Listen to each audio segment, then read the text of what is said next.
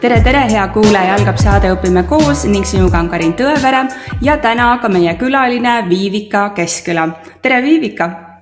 tere, tere kõigile. no sina töötad Tartu Tamme gümnaasiumis, mida sa seal täpselt õpetad? Ja varem ma töötasin Tartu Tamme gümnaasiumis, nüüd on gümnaasiumi pool on eraldi meil täiesti, et mina olen Tartu äh,, Tartu Tamme siis äh, koolis ehk siis põhikooli osas. Ja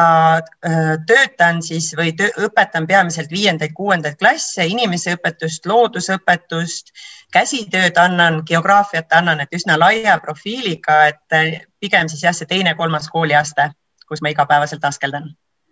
no kõik see loetelu oli nüüd hästi pikk ja sa veel ise ütlesid ka, et lai profiil on ju ja teine kooliaste, keeruline iga ka ja ometi otsustasid sa vastu võtta Õpime koos väljakutse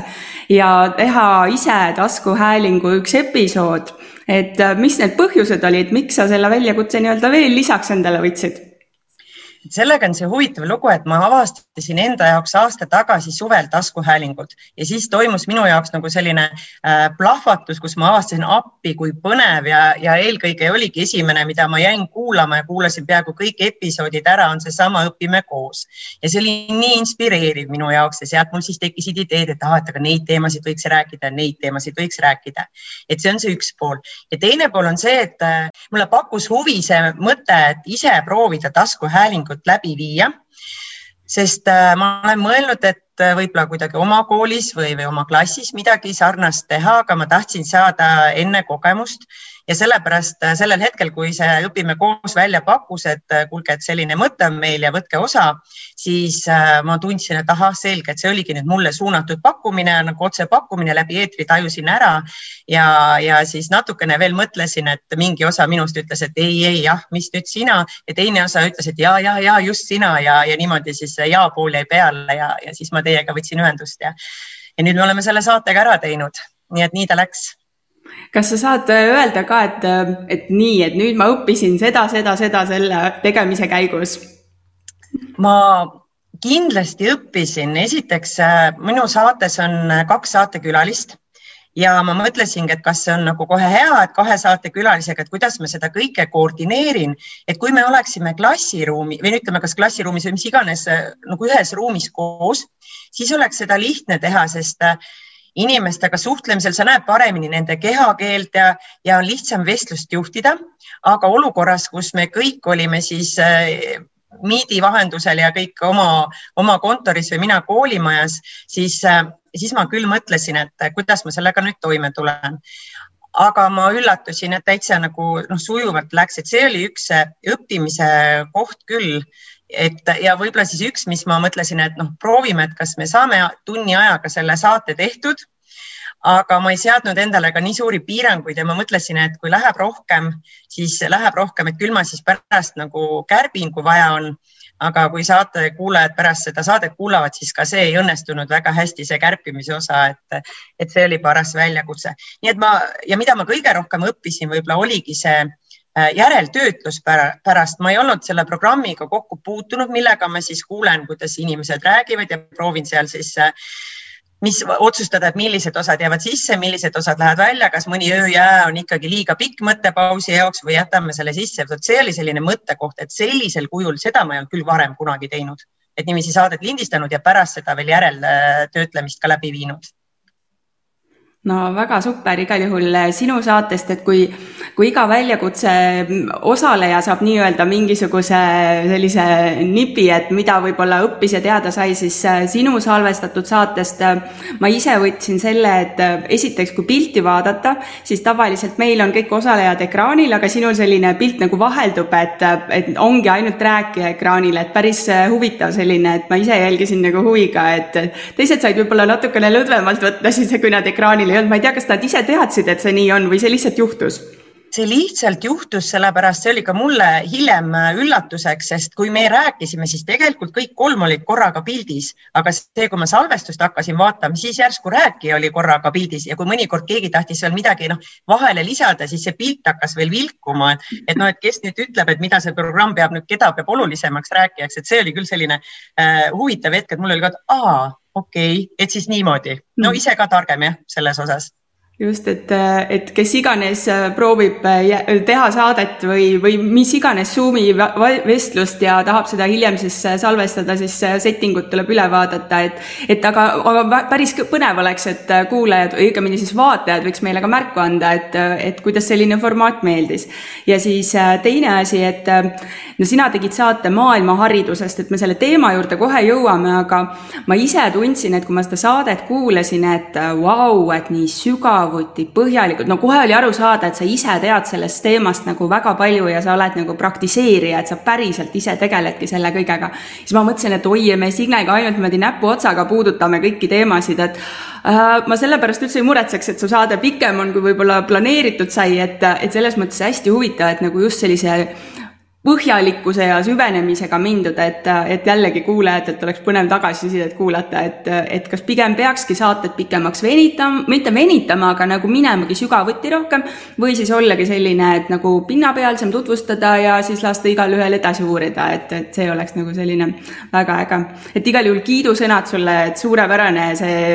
kõik oli väga-väga hästi ja väga super esitajad ja nüüd selle maailma hariduse juurde, et kuidas sa ise sellesse teemasse puut-, kokku, kokku said selle teemaga ja miks sa just selle teema valisid, sest tegelikult ma tean, et sul oli seal laual veel teisi teemasid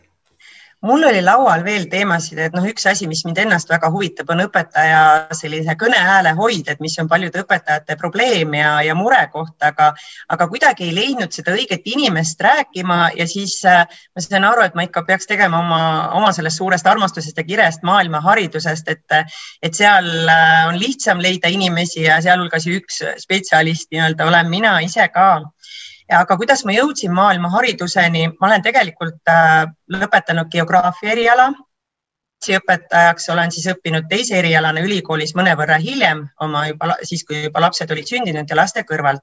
ja nende õpingute ajal äh, kuidagi sattus minuni info maailmahariduse süvakursusest ja sinna ma kohe nagu käis klikk ära, tundsin nii jälle otse mulle suunatud koolitus, suure rõõmuga võtsin vastu ja, ja oligi väga äge ja see oli see hetk, kus mina sain aru, kuidas äh, geograafiaõpingud ja klassiõpetaja õpingud läksid nagu kokku et äh, need nii toetasid ja, ja siis oli nagu see pusletükk, mis oli minu jaoks vajalik, et see minu pusle oleks nüüd ilus, pilt oleks korras. Ja sealt alates äh, need kohtumised seal, need olid nii palju inspiratsiooni jagasid ja ma võin tõesti öelda, et ma olen maailmahariduse fänn. Et äh, mulle meeldib see, mis ma teen ja ma näen laste pealt ka, et, äh, et väikse, väiksed maailmahariduse fännid on ka sealt laste hulgast peale sirgumas oi, sa ei tea, kuidas Viivika, meile meeldivad need maailmamuutjad, et selles mõttes ainult tuult tiibadesse sulle, et ma juba tean su järgmist väljakutset ka, et ma ei tea, kas võib öelda, et sa oled järgmine hariduse kõneisik, et sealt tulevad ka, sa puutud kokku nii paljude maailmamuutjatega ja uute ideede ja mõtetega, et, et see on väga super äge. aga nüüd läheme jälle selle väljakutse juurde tagasi, et, et kui sa nüüd mõtled kogu seda töömahtu, mis sa pidid tegema ja sa valmistasid ju tegelikult väga-väga põhjalikult ja, ja me kõik kõikide sinu sammudega oleme kursis, et, et kas see väljakutse võiks olla midagi sellist, mida võiks soovitada sõbrale või, ja, või siis hoopis vaenlasele või siis ja keda nomineerid näiteks? ma arvan, et see on selline väljakutse, mida ikka sõbrad võiksid ka proovida, et ühelt poolt, kui nad nüüd näevad ja kuulevad, et noh, mina, mina sain hakkama, tegin selle ära, et, et see on nagu tore, see paneb inimest pingutama, natuke teistmoodi mõtlema kuidas küsida, kuidas saadet juhtida, et noh, selle teemaga mul oli tõesti need enda teadmised olid nii suured, kui oleks mingi muu teema, siis ma oleksingi äh,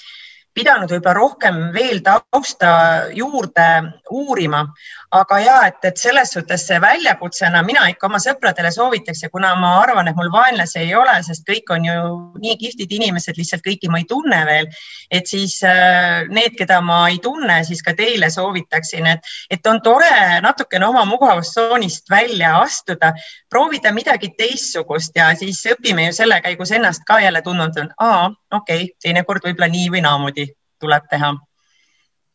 no,. võib-olla ongi see, et võib-olla üks asi, mis ma ise tajusin, et äh, mida on väga veider iseennast äh, salvestatud kujul nii vaadata kui kuulata. et äh, kui saaks, siis kohe hea meelega nagu lindistaks uuesti palju puhtamalt, tekst voolaks sujuvamalt, mõte jookseb paremini, aga salvestuse ajal oligi see, et nii palju mõtteid oli ja siis mõtled, kuhu ma nüüd selle mõtte panen ja teiselt, teistelt ju tuli ka neid häid mõtteid ja siis ma kuulasin iseennast, mõtlesin, no hea küll, et noh, oleks saanud natuke paremini küll selgitada, aga no nii ta praegu oli, see oli mu esimene kogemus ja järgmisel korral ma saan juba kaasa võtta selle, et lihtsalt rahulikumalt äh, suhtuda sellesse ja ütleme, see enesekriitika, et olla, ma lükkasin ka lõpuks kõrvale, ütlesin, kuule, et on nii nagu on, et mis sa siin nagu virised siin kõrval, et keegi me pole perfektne ja ju siis see on minu stiil niimoodi rääkida ja ennast väljendada. et kui ma nüüd järeltöötluse ajal hakkasin vaatama, ma ju ka proovisin kärpida seal ja siis ma kahel korral kärpisin oma teksti selliseks ära, et ma ei saanud enam arugi, mida ma seal ütelda tahtsin, siis ma sain aru, selge, selle laseme lahti endast, võtsin algtekstist sellesama jupi, panin tagasi, mõtlesin jällegi, et on nii nagu on no täpselt nii, see on ka minu mõtteviis, et mul kipub ka olema nii, et aeg-ajalt mõte jookseb nagu nii kiiresti, et suu ei jõua järgi ja siis või vastupidi, eks ju, aga siis ma olen ka alati mõelnud, et et jah, et kui tahetakse kuulata, siis kuulatakse ja kui arvatakse, et saab paremini, siis tulevad väljakutses osalejad ja, ja teevad ise ja teevad veel paremini, et kuidas sul on, et kas sa näed nüüd praegu, et taskuhääling kui selline formaat sobib sulle, tahaksid jätkata või teeksid näiteks õpilastega seda hoopis, et saaksid sa seda kuidagi oma õppetöös ära kasutada? Ähm, ma arvan, mulle, mm, mulle meeldis see, mida ma tegin ja ma sain aru, et see nõuab aega jällegi, kus seda vaba aega leida, aga kõik on tahtmises kinni. et ma tõesti näen, võib-olla mitte veel kohe, et oma taskuhääling, sest mul on tunne, et ikkagi see nõuab nii palju panustamist ja no teades ennast, et kui juba midagi teha, tahaks ju hästi-hästi korralikult teha ja siis ma tunnen, et see aeg ei ole võib-olla praegu õige selleks, et selline laiemale avalikkusele kohe mingit sellist äh, taskuhäälingut teha. aga ma tõesti olen mõelnud, et päris põnev oleks seda koolikeskkonnas ja näiteks oma klassiga teha sest meil on ka nii kihvtid õpilased on, et, äh, et kui seda formaati proovida hoopis klassikeskkonnas kasutada, et see oli ka võib-olla siis üks põhjus, miks ma tahtsin seda, seda teie väljakutset ka vastu võtta ja ma näen, et sellisel kujul see tegelikult äh, toimiks, aga ma pean lihtsalt seda natukene mõtlema, et kuidas ma selle täpsemalt teen oi, tee ära ja jaga meiega muljeid ka. aga Viivika, sulle siis viimane küsimus, enne kui siis äh, kuulajad saavad hakata päriselt äh, maailma muutjaks ja maailma haridusest rohkem teada saama, et, et kui sul oleks nüüd see unistuste külaline võimalik valida, kelle võtaksid sa portreteerida? Ma olen mõelnud niiviisi, et äh, ma olen hästi selline inimeste inimene ja minu jaoks on äh, inimesed, kes mu eluteele satuvad äh,, hästi põnevad. ma võtangi hästi avatult, et oh kui äge, näed, temaga sattusin kokku, seal on mingi põhjus ja mis ta mulle siis nüüd õpetab või räägib või mida mina talle õpetan või räägin. ja selles kontekstis mul on tunne, et mul ei ole nagu sellist nime unistuste inimest, vaid kõik inimesed on nagu minu unistuste inimesed, sest nad on lihtsalt juba selle oma inimeseks olekuga nii põnevad ja avastamisväärt. et olgu see siis hariduse kontekstis, üldse eluvaadet, äh, elu, suhtumine elusse, et selles osas mina olen nagu äh, hästi avatud ja ilmselt ma tajun ja tunnetan selle ära ka, et kes see siis ja mis see võiks minna ja see õpetaja äh, kõne ja häälehoid on ka ikkagi hästi oluline teema, et, et võib-olla sellel teemal ikkagi tahaks ka mingil hetkel küsida kellegi käest, et võib-olla ma jätkan nii-öelda kaastöölisena kuskil, enne kui siis päris mingi oma asja millalgi teen, et selline mõte on peast läbi käinud no väga äge, aga soovime siis kuulajatele mõnusat kuulamist ja head avastamist maailmahariduse vallast. Ja kui teil on mõte, et võiks väljakutses osaleda, siis võtke meiega ühendust, sest ma arvan, et see on selline päris põnev formaat, et vahelduseks minu ja Signe ideedele ka teisi mõtteid vahendada ja uusi ideid tuua siia saatesse. ja kui teile meeldib see, mis me teeme, siis toetage meid ka Patreonis ja mõnusat kuulamist teile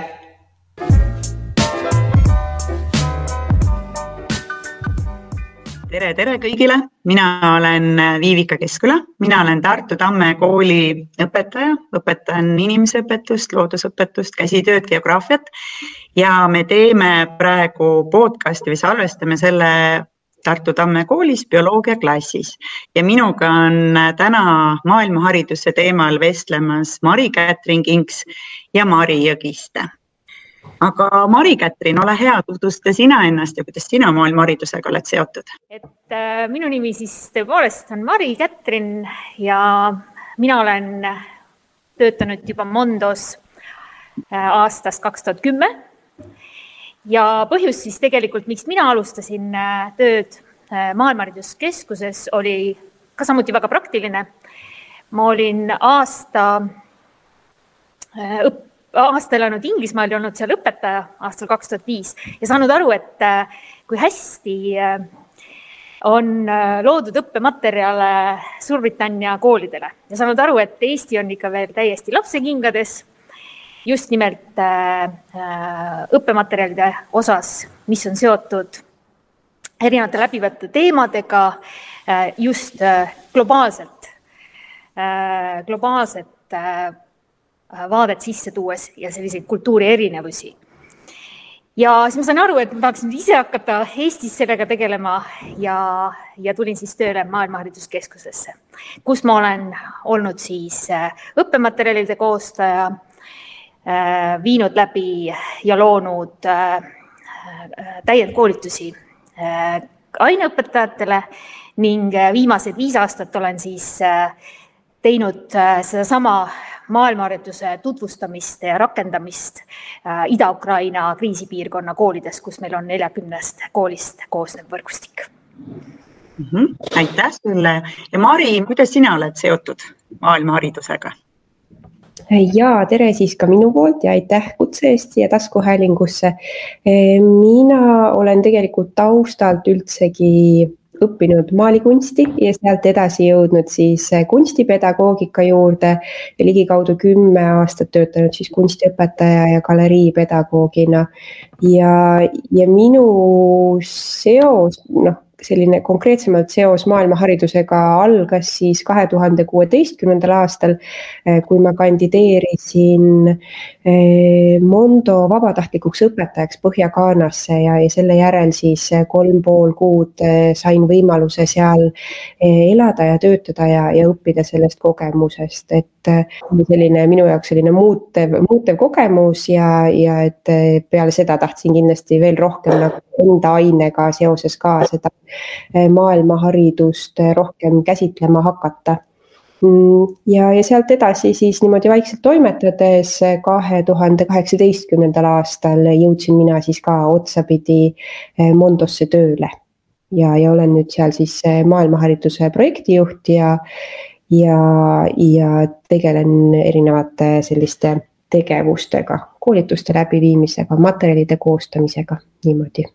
aitäh, et äh, ma arvan, et siinkohal ongi hea rääkida täpsemalt, et äh, ka ülejäänud kuulajatele, et mis asi see maailmaharidus tegelikult on, mida see, mida see endast äh, kujutab, miks ta sai alguse, millal ta sai alguse ja, ja kuhu me oleme siis praegu jõudnud. Mari-Kätrin, sina olid selle juures, kui seda hakati looma? tegelikult siis Maailma Hariduskeskus sai alguse hoopis Jaan Tõnissoni instituudist ja meie selline idee äh, tollel hetkel aastal kaks tuhat seitse, kaks tuhat kaheksa oligi see, et, et äh, saada nagu äh, maailmahariduse teemad ka Eestisse. Meie Maailmahariduskeskuse juhiks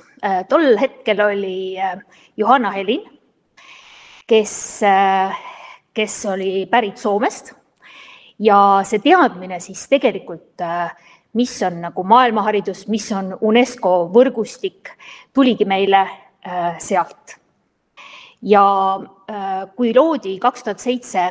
MTÜ Mondo, mis oli siis arengukoostöö ja humanitaarorganisatsioon, humanitaarabiorganisatsioon, siis mõned aastad hiljem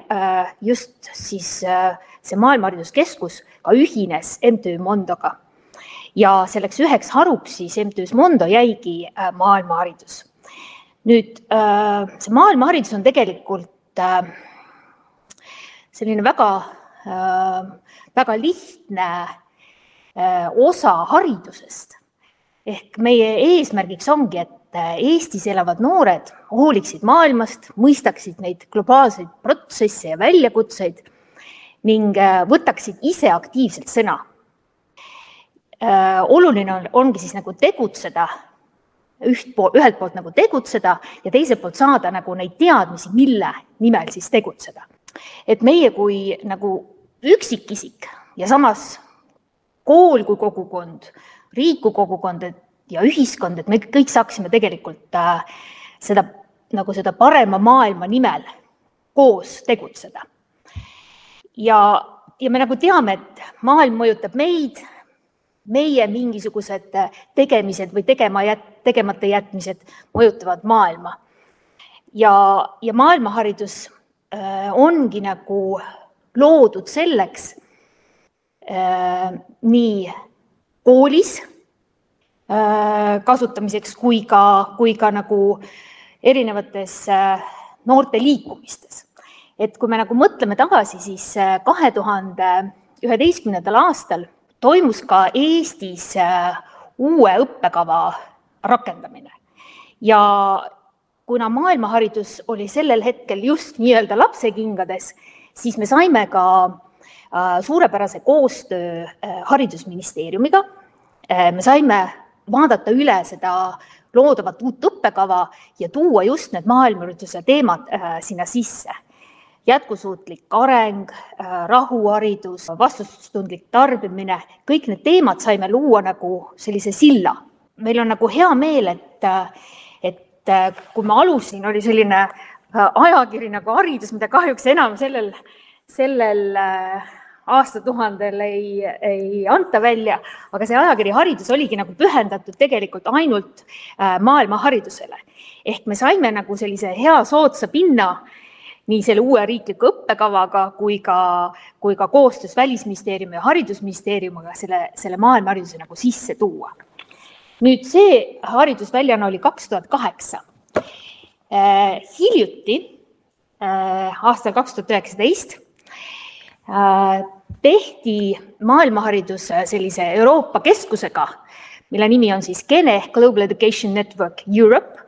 tehti äh, väike uuring Eestis. Ehk vaadata siis, kuidas need maailmahariduse teemad on äh, äh, pandud sisse õppekavadesse, kuidas õpetajad oma tundides ainetevahelises lõimingus seda kasutavad ja, ja tuldi välja siis väga positiivsete vastustega, et tõepoolest kasutatakse õpetajatöös. meil on äh, Maailmahariduskeskusel väga hea koostöö Haridusministeeriumi, Välisministeeriumi, Keskkonnaministeeriumiga. ja meil on ka hea meel, et, äh, et on loodav äh, arengukoostöö agentuur, mis siis tegelikult saab ka olla selliseks Äh, toredaks ja heaks keskuseks erinevate äh, arenguteemadega, mis on seotud, äh, mille hulgas on siis ka maailmaharidus. et see on selline sidusrühmi ühendav platvorm. ja, ja meil on nagu hea meel, et, et selline maailmahariduskeskus on õpetajate jaoks nagu selline tugipunkt ehk, ehk need maailmahariduse teemadega seotud õppematerjale, filme Äh, huvitavaid äh, koolitusi, äh, rahvusvahelisi väljasõite. et meil on nagu selline tore keskus olemas, kus seda kõike nagu teha saab ja seda toodi ka just esile, et, et Eestis see keskus nagu olemas on ehk siis Maailmahariduskeskus ja see maailmaharidus ongi nagu loodud õpetajate jaoks, et nad saaksid seda, seda teemat oma Äh, ainetundides käsitleda ja samuti siis nagu noorte jaoks. jah, ma arvan, et siin ongi hea, et kui me nüüd äh, kuulame teise Mari juttu, et me räägime edasi äh, ja tutvustame seda maailmaharidust täpsemalt, et räägime maailmahariduse veebikeskkonnast ja, ja mina saan siis praktikuna juurde tuua, kuidas mina selle veebikeskkonna võimalusi olen oma tundides kasutanud, kuidas ma olen sidunud oma teemadega, et siis julgustada ka teisi proovima äh, rohkem siis neid maailmahariduse materjale ja teemasid käsitlema. et äh, Mari, ole hea, et räägi, alustame siis, mis asi see veebikeskkond on, kust siis inimesed leiavad rohkem infot maailmahariduse kohta? Ja et nagu Mari-Kätrin välja tõi ka, et see suurem eesmärk siis, mille poole me püüdleme, on see, et, et meie noored oleksid aina hoolivamad, aina empaatiavõimelisemad, et nad teaksid, mis maailmas toimub ja, ja suhtuksid sellesse siis sellise solidaarsuse tundega. ja teiselt poolt lisaks sellistele hoiakutele, et neil oleks siis olemas ka oskused, et selline kodanikujulgus ja kodanikuaktiivsus, et kuidas mina omalt poolt saan siis panustada panuse nende, nende mm, selliste suuremate üleilmsete eesmärkide saavutamisse anda. ja, ja et meie siis proovimegi omalt poolt siis nagu toetada, toetada õpetajaid, toetada teisi haridustöötajaid ja ja, ja kõige selline otsesem viis, kuidas me seda teha saame, on siis see, et meil on see Maailmahariduse eh, Keskuse veebileht, mille aadressiks on maailmakool.ee ja see on siis selline eh, suurem selline pesa, kuhu me oleme koondanud siis eh, kõiksugused võimalused, mida me pakume siis toeks haridustöötajatele maailmahariduse õpilasteni viimisel ja seal, eks ju, kui te ise näiteks kuulete seda, seda podcast'i arvutis, siis saate hakata kohe ka seal ringi klõpsima, natukene uudistama, mis, mis laadi materjale seal peitub. aga, aga väga laias laastus on meil seal siis eh, võimalik ähm, Eh, vaadata ja endale kohe mõne klikiga alla laadida erinevaid õppematerjale, et seal on eh, töölehti, tunnikavasid, eh, taustainfot, igasuguseid selliseid interaktiivseid vahendeid, et kuidas, kuidas õpilased saavad õppida ja, ja testida enda teadmisi maailmahariduse vallas. Ehm, et ühelt poolt siis selline virtuaalsete või digitaalsete materjalide kogu peitub meil seal, teiselt poolt on õpetajal võimalik sealt siis ka endale tellida erinevaid trükiseid, et et saab näiteks erinevaid fotomappe sealt tellida või, või siis plakatikomplekte, mida me oleme välja andnud erinevaid, et muuta natukene nagu klassiruumi ka selliseks Mm, rõõmsamaks ja, ja tuua need siuksed üleilmsed teemad siis õpilastele visuaalselt ka koolikeskkonnas nähtavale. Ja, ja siis saab siit ka meie erinevaid kogumikke tellida.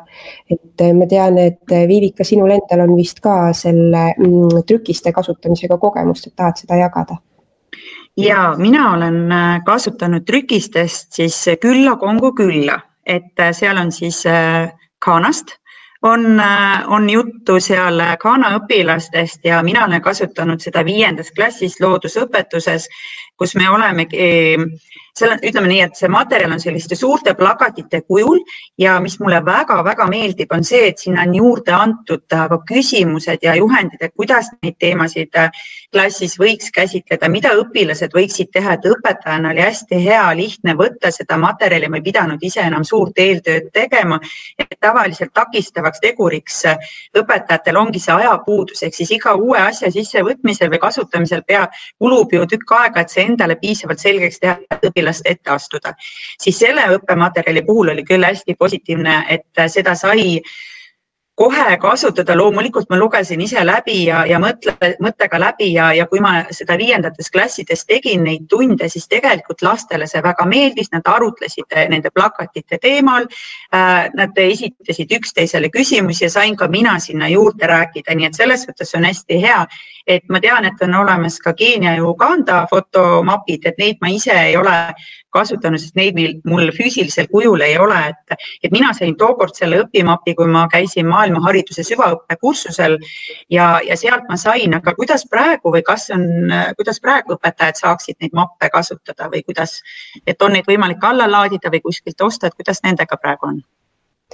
Ja et meil on siis eh, Ghana, Keenia ja Afganistani riikidest mapid tehtud ja neid saate siis sealtsamast eh, Maailmakooli lehelt endale tellida, kui te lähete Maailmakoolis materjalide ja trükiste alajaotuse juurde menüüs. et siis seal on võimalik endale ostukorvi nii-öelda seal meie veebipoes neid lisada ja, ja siis saame tegelikult kõikidesse Eesti piirkondadesse neid näiteks pakiautomaadiga saata. Või on võimalik siis tulla noh, praeguses pandeemia olukorras küll mitte, aga, aga muidu on tegelikult Telliskivi loomelinnakus ka meie Maailmahariduskeskus tööpäeviti avatud, et tegelikult võib ka siis ise tulla seal neid materjale uudistama, kui, kui meil varsti olud paremaks eh, lähevad mm, viiruse rindel. Ehm, ja et, et neid materjale saab sealt ilusasti kätte ja tõesti, me oleme nagu proovinud võtta eesmärgiks just selle, et need oleksid hästi praktiliselt kasutatavad ja et et, et õpetajal oleks võimalikult vähe lisatööd. Ja, ja mis meie jaoks on väga oluline neid materjale kasutades ka, et näiteks, et miks me oleme just need riigid valinud fotomappide jaoks, on see, et, et meie Maailmahariduskeskuse teemad on eh, hästi tugevalt seotud siis selle tööga, mida Mondo teeb arengukoostöö ja humanitaarabi vallas, et need kolm riiki, et, et sealsed materjalid pärinevad ka tegelikult siis Mondo partnerkogukondadest ja partnerorganisatsioonidest organisatsioonidelt? ma nüüd korraks, korraks nagu tegelikult küsiksin ka sinu, sinu arvamust nagu Viivika, et, et kui sul on nüüd õpimapid nüüd olemas, et et kus, kus tunnis sa seda nagu kasutad, et, et nagu maailmahariduse eesmärk on see, et ta ei ole nagu eraldi tund, vaid meie õppematerjalid on nagu võimalik äh, lõimida erinevatesse ainetundidesse, isegi matemaatikasse ja kehalisse kasvatusse. et see ongi nüüd nagu see äh, loominguline õpetaja, kes, äh, kes peaks nagu selle teemaga haakima ja mõtlema, et ahaa, kuhu ta nüüd paigutub mul tegelikult selles oma nii-öelda kooli või kooli õppekavas ja see on hea küsimus, sest äh, tegelikult näiteks see külla, Kongo külla materjal on ka juba esimeses-teises klassis on täiesti võimalik kasutada ja, ja mäletan, kuidas ma tegin, vot nüüd ei mäleta, kas oligi esimeses või oli teises klassis, kus ma kutsusin ju ka külla, tegingi Ghana päeva täiesti ja, ja kutsusin külla ka ühe vabatahtliku, kes oli siis ka Monto kaudu käinud äh,, oligi Ghanas minu meelest ja ta tuli ja rääkis seal lugusid ja ma sain ka seal neid plakateid kasutada, et praegu ma olen kasutanud neid loodusõpetuses, aga tegelikult tõesti see materjal võimaldab kuhu iganes seda lõimida sisse, et kõik tõesti sõltub õpetajast, et kes tahab, see näeb, et ma ütlen, et nii hea valmis materjal on olemas, et õpetaja ülesanne on ainult mõelda, et kus ma seda saaksin kasutada, kui ta vähegi tahab, ta leiab need, et siin ei ole vahet, kas või eesti keelega saab lõimida. ja ma ütlen klassiõpetajale, kes algklassidega tegeleb, on eriti hea, et ta saabki nagu kasvõi teha nii, nagu mina tegin tookord sellise maailmapäevad, kus me arutasime erinevaid neid maailmahariduse teemasid väikeste, noh väikestega esimese, teise klassiga. et äh, ja nad olid valmis rääkima, lapsed olid hästi avatud ja, ja tahtsid kuulda, sest ikkagi, kui tuua sisse, et need on ju sama vanad seal piltide peal on ka sageli enam-vähem sama vanad lapsed, et nad suudavad ära seostuda ja juba näevad, et, et maailm on palju laiem kui see, mis me siin Eestis nagu tajume, et olevat eriti väikeste, väiksemate laste puhul, nii et ja, et õpetaja äh,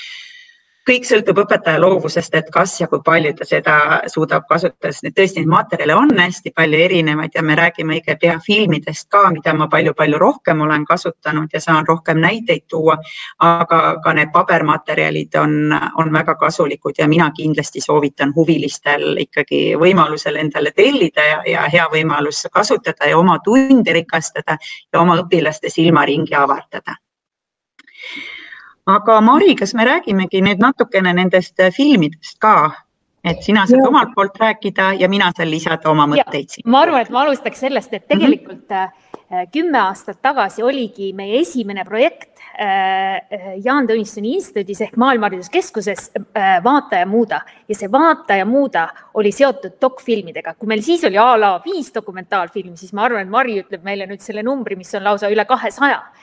ehk, ehk me saime aru, et, et kui me tahame seda rikastada, seda ainetundi, siis me ei saa ainult näidata pilte või lugeda raamatut. ehk me saime aru, et see dokumentaalfilm äh, tekitab sellise väga tugeva empaatia tunde ja, ja aktiviseerib seda õpet, seda õpilast kuidagi rohkem äh, äh, nagu tunnetuslikult äh, tabama neid äh, üleilmseid äh, probleeme ja mõistma, et tegelikult nagu mingisugused probleemid on nagu igal pool ühesugused ja mingisugused rõõmud on igal pool ühesugused. ja, ja mul on väga hea meel, et äh, et see Vaata ja muuda projektist on saanud nagu tohutu filmikogu maailmakoolis, et, äh, et kutsun kõiki õpetajaid jagama äh, võimalust oma õpilastega vaadata dokumentaalfilmi tunnis, et Mari, võib-olla jah, tutvusta meile seda. Jaa, et nagu sa ütlesid, et siis nüüdseks on see filmikogu päris suureks paisunud, et, et tõesti ligemale kakssada filmi meil seal kogus on. ja, ja nüüd ajaga oleme siis proovinud see, nende filmide kasutamise õpetajale võimalikult mugavaks teha. ja, ja see on leidnud sellise hea koha paljude õpetajate praktikas endale. et, et mulle tundub, et, et see filmikogu võib olla üks meie selliseid kõige, kõige populaarsemaid tööriistu, mida paljud õpetajad õpetajad Eestis kasutavad. Ja, ja et e, seda filmikogu saategi siis vaadata sealtsamast Maailmakooli kodulehelt, e, võtta sealt menüüst filmid lahti ja, ja siis nende tellimine käib tegelikult ka hästi lihtsasti. et valite sealt kogust välja need filmid, mis teile tundub, et võiksid huvi pakkuda teie õpilastele või, või parasjagu teemadega kokku minna. ja, ja neid saab siis sealt ka jällegi veebipoe kaudu endale tellida tellida, see on täiesti tasuta. ja, ja tegelikult siis noh, ainuke asi on, et peab enda kasutaja vormistama Maailmakooli lehel ja, ja siis peale tellimuse esitamist koheselt teile emailile laekuvad lingid, mida saate siis eh, kasutada kas õpilastega koos klassiruumis vaatamiseks, aga et nüüd, kui ähm, distantsõpe muutus uueks reaalsuseks, et siis me hästi kiiresti tegime seal ka sellise võimaluse, et peale tellimuse esitamist õpetaja saab sellise sellise jagatava lingi, mida ta saab siis edastada enda õpilastele, et tegelikult õpilased saavad ka ise siis kodus, kodus vaadata neid filme. Ja meie uuemate filmide puhul me proovime alati siis eh, võtta ka selle aluseks, et, et iga filmi puhul, mis me enda kogusse lisame, et me eh, koostame sinna juurde siis ka kas mõne töölehe või, või tunnikava, et õpetajal oleks jällegi lihtsam seda, seda kasutada näiteks paljud eh, meie noh, väga põnevad filmid eh, kipuvad olema liiga pikad, et neid tervenisti koolitunni raames ära vaadata, et siis saab õpetaja näiteks selle töölehe abil on talle juba välja pakutud, et, et ta võib vaadata õpilastega siis ainult mõned lõigud sellest filmist, et ikkagi tunni raamesse mahtuda. aga Viivika, sul olid mõned head mõtted, et, et mida sina oled kasutanud sealt? Ja et saan siis jagada jälle oma kogemust, et äh, mina siis äh, neid filmi vaatamist olen teinud, äh, kuna ma viimasel ajal töötangi rohkem viienda-kuuenda klassiga ja natuke seitsmendaga, siis ma olengi kasutanud nende, selle vanuserühma juures ja, ja toon siis näiteid, et näiteks kui viienda klassil meil on veeteemad on kohe õppeaasta alguses, siis veeteemade lõpetuseks me vaatame sellist filmi nagu Püha vesi. Et enne seda lapsed veel teinud veekasutuse projekti, kus nad siis kaardistavad ära enam-vähem, kui palju neil ja kuhu kodus seda vett äh, kulub. ja filmi vaatamise ajal on mul ka tööleht antud, mis aitab siis fokusseerida seda tähelepanu. Ja, ja peale filmi on arutelu rühma, rühmades arutleme, üheskoos arutleme, aga mis ma tahtsin öelda nende filmide puhul ja mida ma olen täheldanud ja mis on väga kihvt hetk, on see, et äh, kui film saab läbi, siis on klassis äh, natukene aega vaikus ja see on see, et mina õpetajana näen, kuidas neil siis seal mõttetegevus toimub, sest need filmid ei ole selles suhtes kerged filmid, nad on ju mõtlema panevad filmid, nad on natukene raputavad, sellist senist maailmapilti raputavad filmid ja ma väga naudin seda vaikuse hetke. et tõsi on ka see, et, et paljusid filme või noh, mitte paljusid, aga ikkagi neid, kõik filmid ei mahu täpselt tunni sisse, aga mina olen lahendanud selle niiviisi, kuna neil on see abistav tööleht niikuinii juures, kuhu nad kirjutavad oma mõtteid, siis äh, lihtsalt sealt, kus pooleli jääb, panen endale kirja ja järgmine tund siis äh, korra tunni alguses tuletame meelde, mis eelmises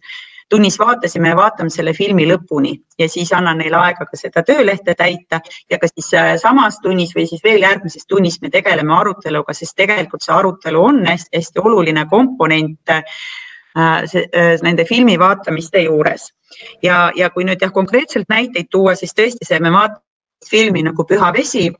ja, ja arutleme sellel teemal ja kogu selle äh, maailmahariduse ploki, selle teemaploki me siis lõpetame koomiksiga, kus nad siis saavad ette äh, enesehindamise maatriksi ja me arutame läbi, mis peab koomiksis olema. Ja eesmärk on siis see, et nad mõtiskleksid, kuidas mina ise saan vee tarbimist vähendada, et minu fookuses on ka see, et õpilane ise saaks aru, et tema ongi see maailma muutja, et nad aeg-ajalt küsivad küll, et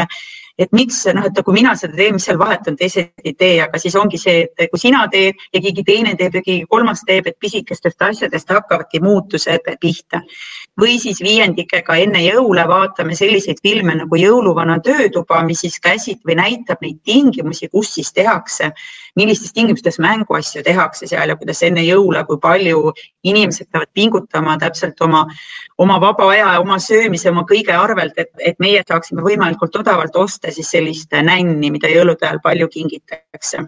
et panna neid natukene mõtlema sellistele teemadele ja samamoodi enne jõule viiendas klassis me vaatame ka sellist filmi nagu Kibe šokolaad. et kuna jõulud on seotud nii kingituste kui maiustustega, siis, äh, siis see paneb neid hästi mõtlema, et, et seal on ikkagi film, kus räägitakse ka sama vanadest lastest põhimõtteliselt nagu nemad ju on, aga kes siis peavad äh, põhimõtteliselt orjadena töötama istandustes, ise elu sees kunagi šokolaadi ei saa ja hästi mõtlema panev film jälle taaskord, et ja, ja siis me oleme teinud viiendatega ka selliseid äh, oleme vaadanud siis toidu teemal täitsa rääkinud, peatunud, et, et arutame, kuna tänapäeva kesk, ühiskonnas on väga palju toidu raiskamist, nagu väga palju, et siis me oleme teinud sellise projektina, et kõigepealt kaardistavad ühe nädala jooksul, et kui palju neil koduses majapidamises toiduaineid ära visatakse ja siis me vaatame äh, filmi ka, et äh, Lauake kata end, hästi hea äh, film, et kus siis näitab, et kui palju toitu ära visatakse, tegelikult täiesti kõlblikku toitu ja seal on ka, kus lapsed, ma kuulen seal filmi vaatamise ajal, kus nad mõtlevad, et ah, päriselt ongi nii, et silmad suured ja ma näen, kuidas see mõjub, kuidas see kõnetab. Neid, nad töötavad kaasa mõttega ja nüüd sellel aastal ilmus äh, väga huvitav film üsna samal ajal, kui mina vaatasin oma õpilastega Lauake kattaent, tuli selline film nagu Homme saabub paradiis, et ma ei tea, kas see maailma selles Mondo filmikogus veel on, aga samas ta on selline, mis on hästi seotud toidu teemaga, kus siis Tartus, Tartu inimesed äh, samamoodi siis prügikastist päästavad toitu ja, ja, ja inimesed, kes soovivad, saavad seda siis tarbida ja me oleme teinud siis selle teema juurde ka sellise asja nagu toidukilomeeter ehk siis iga õpilane otsib omal kodust äh, toiduaine, mis kõige-kõige kaugemalt on pärit. Et siin on jälle, saab lõimida siis ka geograafiaga ja me oleme järjestanud niiviisi pika laua teinud ja pannud, et ühe poole ääres on Eesti ja siis me järjestame ära, kuidas need toiduained, kellel kõige kaugemalt on, kaart on mul juures, et noh, tõsi, sellel aastal ei saanud teha, aga eelmine aasta sellisel kujul ei saanud teha, sest distantsõpe tuli peale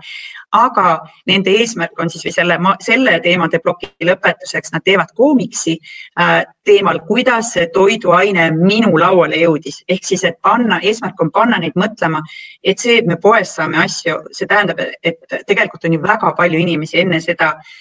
veel kaasatud olnud selles, et nemad saaksid seal süüa mingit asja. Ja siis see ongi pannud neid mõtlema, et kust see tuleb, kes on, keegi ju kasvatab, keegi korjab seda, keegi pakendab, keegi viib transpordiga, et selles suhtes on hästi hea teema, et panna neid väärtustama, et see toit ei visataks nii kergekäeliselt ära. ja tegelikult on väga paljud inimesed ju panustanud sellesse, et saaks, saaksid need äh, toiduained jõuda ju inimeste lauale. Ja, ja ütleme kuuenda klassi puhul ma olen teinud äh, kliima soojenemise teemal vaadanud filme, sellepärast et kuuendik nagu õpilasi see väga huvitab. Ja oli mul ei olnud plaanis alguses nendega teha, aga kuna rääkisime jäämägedest ja, ja liustike sulamisest ja kõigest sellest, siis õpilastel oli suur huvi ja ma ütlesin, selge, kui on huvi ja nad tõesti tahtsid, siis ma tegelikult lükkasin ka natukene need õpikuteemad kõrvale ja võtsin siis, äh, võtsin kliima soojenemise täitsa kohe kuu aega tegelesin sellega, sest minu meelest see on hästi oluline teema. lapsed on sellest väga huvitatud ka nende kliimastreikide taustal, mis ju eelmine aasta äh, toimusid mitmes kohas üle maailma. ja siis me vaatasime vaatasime selliseid filme nagu Õed planeedil, äh, vaatasime katastroofiretseptide filmi ja Anote laev ka ja iga kord oli siis neil tööleht, mida nad täitsid ja samamoodi oli arutelud, äh, mida me tegime. Ja, ja siis äh, lõpuks nad pidid tegema ise ühe arutelu sellise hindelise väljundina, et, et teemal, et mis on kliima soojenemine, kuidas see mõjutab mind ja mida mina saan ette võtta kliima soojenemist pidurdada, et seal küll esitati vahepeal mulle ka copy paste tekste, et ma vaatasin, et Vikipeediast ja kust oli leitud, aga ei, siis ma suunasin ikkagi ise mõtlema, et natukene õpilased aeg-ajalt kardavad ise mõelda ja aeg-ajalt on nad liiga mugavad, et nad ise mõtleksid, aga siis saab sujuvalt pall tagasi põrgata ja öelda, et ei, ei, ei, ma tahan ikka sinu oma mõtteid kuulata. ja neil on mõtteid, mida kuulata, et selles suhtes on hästi tore ka õpetajana noortega neid arutelusid teha, et äh, tegelikult nad ju tunnetavad neid probleeme, nad on valmis midagi tegema, neil on vaja lihtsalt infot, kuidas nad saaksid üldse teha. nii et need olid lihtsalt mõned näited, äh, võib-olla mõni saab ka siit inspiratsiooni või mõtteid, et mida ise edasi teha et äh, noh, nii hea need töölehed, mis seal juures on, et ma ei peagi täpselt kõike seda kasutama, osade filmide juures ju on, aga ma nopin sealt välja need küsimused ja need asjad, mis nagu minu teemadega hästi kokku lähevad ja tegelikult nagu noh, enne sai räägitud, et maailmahariduse teemad, vahet pole, mis aines on, et iga aine kannab hästi lõimida. nii et see oli selline väike, väike minu kogemus siia juurde. aga mis materjale veel on siis, mida sealt lehelt veel võib leida? Ja võib-olla filmide osas, et need olid väga head näited, mis, mida sa mainisid ja paljud õpetajad kasutavad, et ma võib-olla toon välja veel mõned filmid, mis on meil eh, hiljuti kogusse lisandunud, et, et näiteks see tarbimise teema eh, ja, ja lapstööjõu teema on hästi nagu eredalt tuleb esile sellises filmis nagu ähm,, nagu Nähtamatud käed. et see tõesti on selline päris tõsine film, mis, mis selle lapstööjõu kasutamist siis üle ülemaailmselt eh, niimoodi põhjalikult eh, lahti, lahti võtab, et, et kindlasti seda soovitaksin, kui, kui on tarbimise teemad eh, käsil. Mm, ja näiteks veeteemade puhul on meil tekstiilitööstuse ja keskkonna seostest hästi hea film Rohesõdalised, sõdalased maailma kõige saastunum jõgi ja kuna meil on parasjagu käimas eh, üks kliimamuutuste teemaline projekt, siis just kliimamuutuste teemadel on meil mitmeid eh, selliseid uuemaid dokumentaalfilme tulnud, et näiteks eh, Greta põlvkond või seesama Anote laev, mida sa mainisid, on, on väga-väga liigutav ja, ja tore film. ja, ja näiteks ühe Keenia põllumehe kogemust saab vaadata sellisest filmist nagu Aitäh vihma eest, et seal tuleb ka tegelikult, kuna meie Mondos näeme, et, et kliimamuutused puudutavad eriti valusalt just neid haavatavas olukorras olevaid kogukondasid, kellega meie ka töötame, et siis me tahame selle teadmise ka noorteni tuua, et, et kuigi võib-olla Eestis me praegu veel ei tunne kliimamuutuste mõjusid nii tugevalt, siis, siis nende eakaaslased maailma teistes paikades juba väga tugevalt sellega kokku puutuvad ja et võib-olla need mõned mõtted siis äh, filmide osas veel lisaks, aga, aga see kogu on tõesti tohutu suur, et saate minna ja, ja ise vaadata, sealt juurde otsida. teistest materjalidest, eks meil peamised äh, sellised äh, funktsioonid ja võimalused äh, saidki praegu ära kaetud, et, et ühe võimalusena tegelikult saab veel maailmakoolist tellida endale kooli ka näitusi, et hetkel seda küll nii hästi kasutada ei saa, aga kui saame jällegi kontaktõppe juurde tagasi minna, siis meil on paarkümmend erinevat eh, globaalsetel teemadel näitust, kas nad on siis roll-up'idel või, või kapaplaatidel, sellised erinevates formaatides, erinevatel teemadel näitusi, eh, mida saab siis ka tasuta endale kooli tellida, et natukene kooli koridoris võib-olla panna õpilasi korraks seisatama ja lugema ja, ja vaatama ja, ja nende teemade peale mõtlema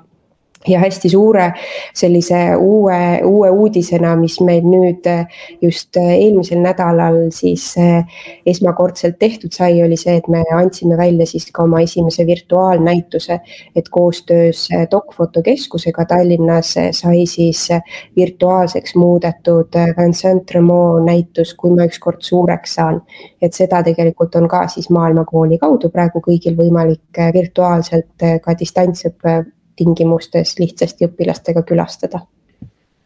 Ma siin jagaks ühe äh, huvitava kogemuse, mis oli pagulasteemaga seotud ja pagulaste potitõli, et sellest ma sain ise koge-, kogemuse, olles ilmselt maailmahariduse suvekoolis, ma sain selle kogemuse, ma nii tahtsin kooli seda ka tellida, aga jällegi Äh, nüüd koroona tingimustes või pandeemia tingimustes on seda keeruline teha, aga lihtsalt võib-olla kuulajatele ka teadmiseks, et seal on siis äh, need potid on äh, tehtud nii-öelda trummideks ehk siis sinna siis on nahad peale tõmmatud erinevatele potidele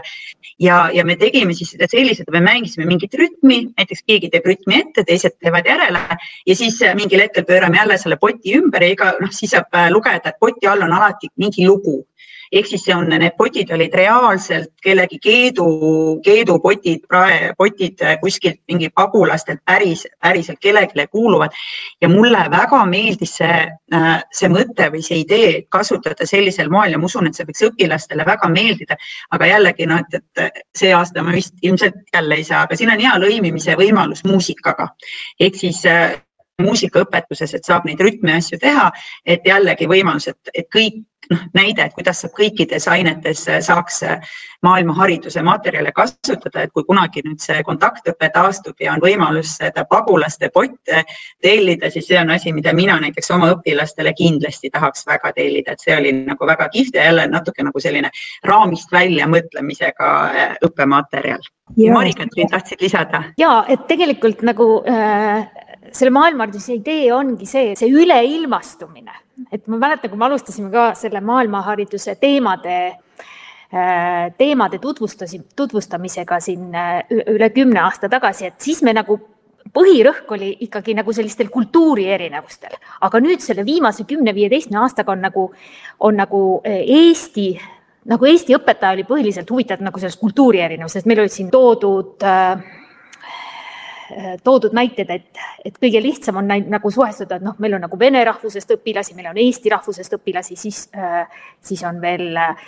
ma ei tea, Ukrainast, vana, vanade, vanadest, vanadest riikidest, Saksamaalt, Hollandist, et õpilased, nagu see kultuuriline osa oli kõige, kõige olulisem nagu, aga nüüd on nagu muud, nagu kuidagi selline muutused toimunud, et on kliimamuutused, ränne. Ehk see, mis toimub maailmas, see jõuab nüüd ka rohkem nagu kooli ja ainetundi et, et just see, et see õpilane nagu mõistaks, et, et see üleilmastumine, nagu sa ütlesid, et sa tegid seda toidupäeva, et kui ma hommikul ärkan üles, et ma olen tegelikult juba poole maailmaga kontaktis olnud, et kust mul tuleb see suhkur, kust mul tuleb see tee, kust mul tuleb see šokolaad. Et, et ta nagu mõistaks, et, et, et see on nagu selline doominoefekt, et kui kuskil läheb halvasti või hästi, siis, siis on see tegelikult ka mõjutatav äh, mul siin see mõistmine, et me oleme nagu ühenduses omavahel, ongi tegelikult see üks filosoofiline osa sellel maailmaharidusel. Et võib-olla meie kuulajate seas on ka inimesi, kes lasteaias äh, töötavad, et, äh, et Mari võib-olla räägid, et ka materjal, aga tegelikult on materjale ka ju lasteaia lastele mõeldes, eks ole ja see on üks selline suurem ettevõtmine, mis meil on eh, eelmisest ja üle-eelmisest aastast alguse saanud. et, eh, et me panime tähele, et meie materjalide seas päris väikeste lastega töötamiseks oli materjale üsna vähe. ja, ja siis sai nüüd eh, eelmisel õppeaastal valmis Rannamõisa lasteaiast pärit ekspertidega koos välja töötatud selline suur juhendmaterjal, mis, mis aitab siis tegelikult kõiki kõiki neid päris äh, suuri ja keerulisi teemasid nagu äh, ma ei tea, tarbimine või inimõigused või kliimamuutused, et kuidas neid saaks tegelikult ka ütleme viie või kuue või seitsmeaastaste lastega juba hakata lasteaias käsitlema. et, äh, et valmis siis selline juhendmaterjal nagu Amanda ja maailm. noh, need, kes vaatavad videot, saavad siit korraks vaadata ka. et, et seal samamoodi siis tegelikult on hästi mänguliselt ja, ja selliselt lapsepäraselt need teemad lahti seletatud ja, ja omavahel kokku põimitud, et, et selles materjalis on siis eh, kokku kümme teemat. Eh, iga teema kohta on selline sissejuhatav väike lastejutt, mis, mis jutustab siis sellest, selle materjali peategelasest Amba, Amandast ja tema, tema sõbrast elevandist Moodost. ja, ja sellest, et kuidas, kuidas nad koos maailma avastavad. ja, ja et selle jutu juurde kuulub siis samamoodi sarnaselt nende fotomappidega, et siis jutu teisel küljel on selline suures formaadis lastepärane illustratsioon, mida saab lastega koos vaadata ja selle üle arutleda. ja sinna juurde kuulub siis hästi mahukas selline õpetaja raamat, kus on siis täiendavad mängud, õppetegevused, ürituste ettepanekud, et, et kuidas õpetaja saab seda teemat edasi käsitleda. ja me võtsime seda koostades või, või meie eksperdid võtsid seda koostades siis hästi tugevalt aluseks just jällegi riikliku õppekava. et, et kõik riikliku õppekava äh, valdkonnad ja, ja muud sellised eesmärgid oleksid tegelikult täidetud siis, siis neid, neid materjale kasutades. ja sinna materjali juurde valmis ka lastelaul, mis mis on saanud suureks hitiks äh, õpetajate ja laste seas. ja, ja ühe, ühe animatsiooni saime ka sinna juurde siis teha. Et kindlasti plaanime tegevust jätkata, et oleks, sest, sest me teame, et tegelikult laste väärtushinnangud eh, hakkavad välja kujunema või kujunevad välja just selles eas, et tegelikult eh, kui me läheneme asjale eakohaselt, eh, läheneme asjale selliselt tundlikult ja, ja lapsepäraselt, siis, siis on just õige aeg hakata ka väikeste lastega nendel teemadel rääkima ja, ja, ja kutsuda neid kaasa ja mõtlema selle üle kui sa, Viivika, ütlesid, et sinu õpilased mingil hetkel ütlesid, et nad tahavad seda teem-, sellest teemast nagu ise rohkem teada ja siis sa lükkasid selle õpiku nagu kõrvale, siis me saime ka aru, et tegelikult lasteaialapsed, neil tulevad tegelikult, nad tulevad mingite teemadega lasteaeda, mida, mida me ei oskagi oodata. et nad on vaadanud õhtul mingit televiisorit, ma ei tea, mingisuguseid uudiseid lastevanematega koos ja siis nad tulevad nagu selle, neil on nagu nagu läbi seedimata on tegelikult see, see info, mille nad sellest äh, televisioonist said ja siis nad hakkavad nagu kuidagi äh,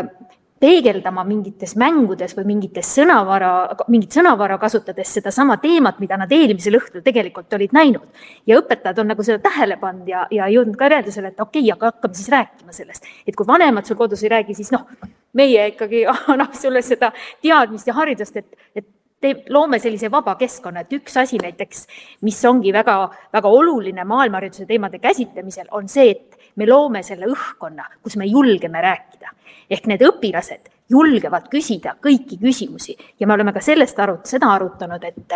et mõnedel teemadel ei olegi õigeid ja valesid vastuseid, on see minu, minu mingisugune arvamus, minu, minu äh,, kus õpetaja loob diskussiooni, lubab arvata ja, ja siis suunab nagu otsima neid lahendusi. et, et see on nagu väga tore, kui, kui õpetajal on see julgus aga ma usun, et me jõuame rääkida veel, et kuidas te saate tulla meie suve ja suvekoolidesse ja täiendkoolituskursustele, et seda julgust nagu saada nendel teemadel rääkida mm. -hmm. ma usun ka, et selline noh, mis võib õpetajal takistus olla, et täpselt, et kas ma olen piisavalt pädev äh, rääkima sellel teemal ja see võib olla üks äh, takistav tegur küll. mul tuli meelde veel, et nende filmi vaatamise juures ja tänu sellele, et nüüd äh, Mondo võimaldab või filmikogust on võimalik saada link, mida ma saan õpilastele jagada, et varem, kui distantsõpet ei olnud, siis me vaatasime koolis ja jätkasime koolis vaatamist, aga praegu oli see olukord, kus ma sain kaasata ka lapsevanemaid ja julgustasin koos perega vaatama ja koos arutlema. Ja päris tore oli, et tagasiside oli ka vanemad kirjutasid mulle ja tänasid, et nii tore ja nii huvitav oli ja aitäh, et nende teemadega tegeled ja nendele tähelepanu pöörad, mis omakorda ju inspireerib ja julgustab mind veel rohkem tegelema, et tegelikult ka eh, lapsevanemate poolt on huvi, kui kool võimaldab või noh, juhib nagu tähelepanu või et vaadake koos, siis nad vaatavad küll hea meelega ja arutlevad küll ja neil ju tekib see oma elukogemuse põhjal need mõtted, mida lapsega jagada ja minu meelest see ongi see see, see terviku moodustamine, et see info, mis tuleb ühiskonnast, see info, mis tuleb kodust, see info, mis tuleb koolist ja laps peab seal ju orienteeruma kuidagi. aga et kui me seda info välja natuke ühtlustame, kasvõi see, et ma näi-, noh, jagangi seda linki ja vanemad saavad ka seda filmi vaadata äh, samal ajal kui isegi kui kontaktõppe ajal, ma loodan, et see lingi jagamise võimalus säilib, et täpselt see, et kui keegi on haigena kodus või vanemad tahavad ka vaadata või mõni tahab teist korda üle vaadata, siis see on väga hea võimalus, et see kuu aega on link aktiivne aktiivne, siis peab uuesti selle uue tellimuse tegema, siis jääb uuesti aktiivseks lingi, aga selle ajaga üldiselt jõutakse väga ära vaadata. ja mulle meeldib ka see, et kuna see lasteaedadesse on nüüd järjest rohkem jõudnud, siis hakkab kooli jõudma selline ähm, kuidas ütelda, nagu keskmiselt, keskmisest teadlikum. Laps hakkab ka kooli jõudma ja on hea, kui ka kool on valmis selleks, et tema huvidele vastab veel edasi seda, seda, seda maailmapilti avardada, et minu meelest on see nagu hästi kihvt, et just see lasteaial on olemas, koolil on juba ka olemas need materjalid. Ja tegelikult noh, me ei ole ka rääkinud, et ka gümnaasiumil on ju ekstra see globaliseeruv maailm, äh, mis on hästi huvitav, mille ma olen ka ise läbinud selle koolituse, ma lihtsalt ei anna gümnaasiumis tunde, aga ma saan sealt infot, mida jälle allpool kasutada ja et õpilast ette valmistada. et võib-olla jagate natukene seda äh, infot ka selle globaliseeruva maailma kohta, et kas või kuidas neid materjale on võimalik saada, et ka siis, et põhimõtteliselt ongi võimalik maailma hariduse teemadega ära katta sealt lasteaiast kuni gümnaasiumini. et, et rääkige natuke sellest ka ja et äh, tõepoolest, kui ähm, äh, rakendus uus riiklik õppekava, siis oli suurepärane võimalus Mondol teha valikkursus gümnaasiumile kolmkümmend viis tundi ja selle valikkursus just nimelt siis äh, maailmahariduse teemadel ja selle nimeks me panime siis aastal kaks tuhat kolmteist äh, globaliseeruv maailm. Selle globaliseeruvale maailmale, kuna aeg läheb nii kiiresti edasi, kui palju toimub nagu maailmas äh, muutuseid, siis me jõudsime järeldusele, et ka meie globaliseeruv maailm vajab nii-öelda update'i ja, ja meil on nüüd teine Äh, teine nii-öelda trükk sellest globaliseeruvast maailmast. ja pluss maailm on ka digitaliseerunud, ehk siis meil on hea meel ka eelmisest, kahe tuhande üheksanda aasta kevadest äh, näha seda globaliseeruva maailma õpikut opik.ee keskkonnas. ehk siis kõik äh, õpetajad, kes te gümnaasiumis valikkursust mõtlete hakata andma või juba andma, annate, et äh, kasutage siis ka seda Äh, seda äh, valikkursuse võimalust. ja ma arvan, et äh, seda, seda temaatikat, mida siis ka kasu, mida siis ka see valikkursus globaliseeruv maailm hõlmab, et seda saab tulla nagu õppima meie erinevatele koolitustele. väga hea, et kui siin see koolituste teema juba tuli üles, et võib-olla siin ongi õige koht rääkida, et mis koolitusi on õpetajatel võimalik Mondo kaudu saada, et kuidas see info nendeni jõuaks ja, ja et huvilised teaksid, kus ja millal registreerida, et kuidas siis sellega on? Ja meil on sellised äh, mõned koolitused, mis on siis äh, meil iga-aastaselt regulaarselt kavas ja, ja mõned äh, siis sellised koolitusvõimalused, mis ühest või teisest projektist üles kerkivad, mis, mis Eh, siis tulevad niimoodi jooksvalt aasta, aasta jooksul. ja, ja kõige parem viis nende võimalustega kursis püsida ongi siis kas vaadata Maailmakooli kodulehte või siis ka meie Facebooki lehel alati see info liigub ja, ja kõige selline võib-olla kompaktsem ja praktilisem viis oleks võib-olla tellida meie uudiskiri, et, et seal kindlasti ka sellised suuremad koolitusvõimalused alati hõikame maha, et, et niimoodi mõnekuuse intervalliga uudiskiri siis potsatab inimestele eh, postkasti. aga ja, et koolitustest on siis kõige pikema traditsiooniga meie maailmahariduse kursus, mis on siis tegelikult kokku kuuekümne tunnine selline pikem koolitus, mis koosneb viiest moodulist ja kestab siis tavaliselt eh, see saab alguse iga aasta jaanuaris ja kestab kuskil märtsikuuni, et, et, et viiel korral siis kohtume õpetajatega ehm, et see oli siis vana nimega süvaõppekursus, aga nüüd nimetame seda maailmahariduse kursuseks. ja, ja kindlasti korraldame me igal, igal suvel ka õpetajatele suvekooli, kus on siis natukene selline nagu vabam ja, ja mõnusam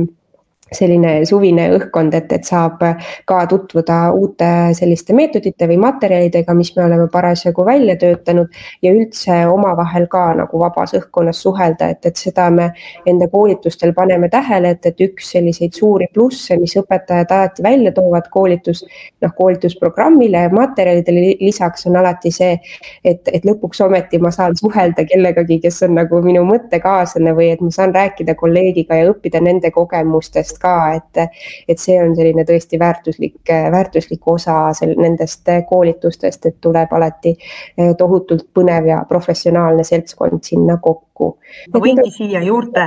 öelda selle oma kogemuse, et ma tõesti olen olnud sellel süvaõppekursusel üle Eesti erinevad õpetajad olid koos, see oli nii inspireeriv, eri erialad, eri piirkondadest ja, ja kuidas selline nagu sünergia tekkis. kuidas ma ootasin neid koolitusi, tõesti pikad koolitused päevad, aga olin iga kord nagu hästi inspireeritud, see andis niivõrd palju julgust juurde, mida ja kuidas õpilastega teha ja tõesti see, mis te suvepäevade kohta välja tõid et vabas vormis äh, sellist äh, mina olen Võsul käinud, et ma arvan, mingi kolm-neli aastat olen noh, suve Võsul käinud. Need mängud, mis seal on, need kõik nagu toetavad, me reaalselt proovime mingeid asju läbi, need külalised, kes tulevad rääkima, need filmid, mida me vaatame, et peale seda nagu enne õppeaasta algust, see kuskil augustis ju minu meelest on olnud, et hästi selline energiat täis ja, ja väga inspireeriv ja tahe midagi teha ja see teiste õpetajatega koos olemine seesama asi, mis sa ütlesid, see tundmine, need on need, kelle peavad ju sedasama asja oluliseks ja nii tore on olla inimestega koos, kes peavad sama asja oluliseks. Ja ütleme, need õhtused vestlused, mis see ka ju sinna ei olnud nii-öelda see ametlik osa, vaid täpselt see mitteametlik osa, kus inimesed istuvad koos ja arutavad ja sealt sünnivad nii paljud need uued ideed, et aa, tegelikult võiks ju seda ja seda veel teha, oh kui hea. et see on nagu asi, mida kindlasti soovitan, nad on, nad olid minu meelest mitmepäevased täiesti, et ikka jõudis inimestega koos olla, jõudis tutvuda, jõudis ka selliseid sõprussidemeid äh, luua ja hiljem ka selle tasandil nagu inimestega veel edasi suhelda, et väga soovitan, kellel on võimalus ja kes tunneb, et see on tema teema, et et seda kasutada, aga kas on veel mingeid asju? ja et võib-olla meil praegu suurematest projektidest, mis meil käsil on, on kindlasti tulemas võimalusi veel ka äh, rändeteemadel enda koolitamiseks et pikem rändeteemaline ehm, kursus meil juba eelmise aasta lõpus eh, toimus, et, et neid on veel kindlasti tulemas ja ka kliimamuutuste teemale rohkem koolituste raames keskendume. Ja kindlasti on ka alushariduse õpetajatele koolitused tulemas. Ehm, aga Mari-Kätrin, sina saad rääkida meie veebikursustest ja meil oleme siin, nii nagu ma juba mainisin enne, et eh, kui me globaliseeruva maailma digitaliseerisime, siis eh, me oleme jõudnud ja meil on eh, filmikogu digitaliseeritud, sest kümme aastat tagasi me ikkagi saatsime postiga DVD-si õpetajale, et see areng on nagu ka meil ära tehtud. püüame siin ikkagi innovaatilised olla. et nüüd oleme siis otsustanud, et teeme ka järgmise sellise hüppe seal Maailmakooli veebis, et äh, õpetaja saab omas rütmis hakata õppima ja teha seda siis iseseisvalt äh, läbi äh, veebikursuste. ehk meil on nüüd esimene veebikursus on meil valmis ja see õpetab sellist meetodit, nagu on Räägime rahumeelselt ehk selline projekt, mis, äh, mis annab võimaluse äh, lahendada probleeme nii, et, et, et see probleem on nagu suunatud sellisele lahenduskesklasele lahendusele. et me lihtsalt ei räägi, jah, meil on probleemid, probleemid, aga kuidas siis nagu seda, seda õppijat või seda indiviidi suunata, et ta sellest, et ta ei takerduks sellesse probleemi, vaid ta liiguks edasi äh, lahenduse suunas. Ja see on selline väga huvitav äh, meie Sloveenia partner, äh, kes seda metoodikat siis väga hästi valdab, on teinud suurepärased videod ja, ja saab selle kursuse siis iseseisvalt paari päevaga läbi teha ja, ja mõelda siis, kuidas kas ise muuta midagi oma mõtlemises või koos õpilastega seda meetodit äh, rakendama hakata. ja ma arvan, et meil neid veebikursuseid, mida iseseisvalt läbida, on tulemas veel. nii et hoidke ka selle koha pealt silma peal. ma usun, et et kui me nüüd oleme rääkinud nendest toredatest kohtumistest nii suvekoolides kui ka maailmahariduse kursustel, siis üks temaatika, mida ma küll tahaksin veel siia õpetajatele, õpetajatele ja kõigile huvilistele Äh, välja tuua, on äh, meie toredad õppereisid ehk äh, õppereis on alati see, et kui sa lähed nagu koha peale, seal üks asi on see, et sa tead, sa loed, sa vaatad, aga kui sa lähed nagu koha peale kuhugi, kuhugi riiki, siis sa nagu tunnetad paremini veel, mis, mis nagu, mis nagu maailmas toimub. et ma mäletan, et, et kümme aastat tagasi, kui me alustasime suvekoolidega, arutasime nagu, kuidas äh, Äh,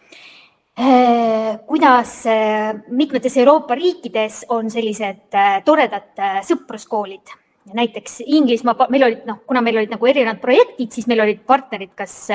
Inglismaalt, Portugalist, Tšehhist ja siis ma mäletan, et inglased ja portugallased ütlesid jah, et enamus meie koolidel on ikkagi sõpruskool kas siis äh, kuskil Aasias, äh, Aafrikas, kus iganes. ja siis me käime nendega, nende külas ja nemad käivad meil külas. no me muidugi kümme aastat tagasi tund-, tundus see nagu ulme, et, et isegi kui meil oleks nüüd tore sõpruskool meie humanitaarabi partnerite või arengukoostöö partnerite juures, kes praegu Kamondol on näiteks Ghanas või Keenias või või, äh, või Myanmaris, et noh, et nagu neile külla sõita, see oleks nagu selline noh, väga, väga suur äh, utoopia, aga ei ole midagi, tuligi välja, et esimese õppereisi tegid meie õpetajad äh, Afganistani. et äh,, et see oli selline elumuutev kogemus neile ja, ja meil on ka nüüd, nüüd aastaid äh, võimalik saata äh, õpetajaid. Äh, õpetajaid siis tegelikult meie kogukondadesse, kus Mondo töötab, et võib-olla Mari, sa saad rääkida sellel teemal, et kuidas need õpetajad siis tegelikult saavad nendele toredatele õppevisiitidele ja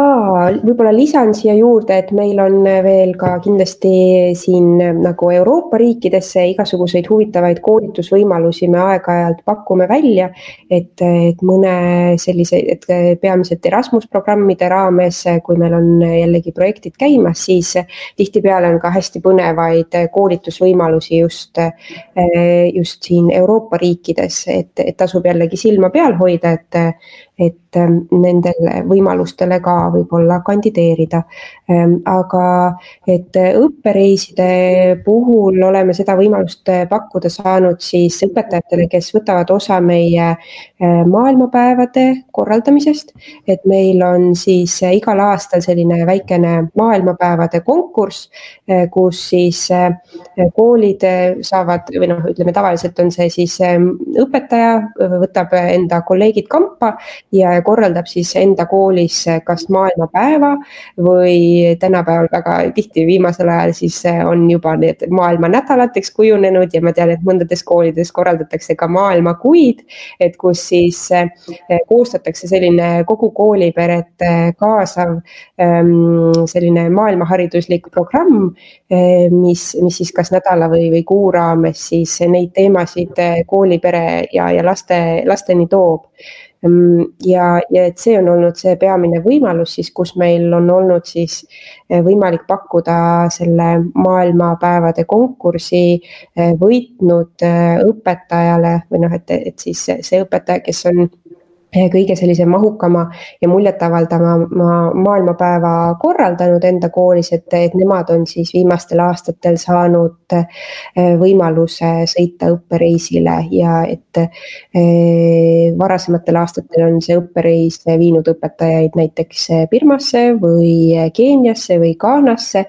eelmise aasta õppereis nüüd küll arusaadavatel põhjustel niimoodi toimuda ei saanud, et seda me praegu veel siin mm, seame, seame sammu, et, et kuidas me saaksime siis eelmise aasta võitja ka ikkagi tema õppereisile saata, kui, kui maailmas olukord natukene rahulikumaks muutub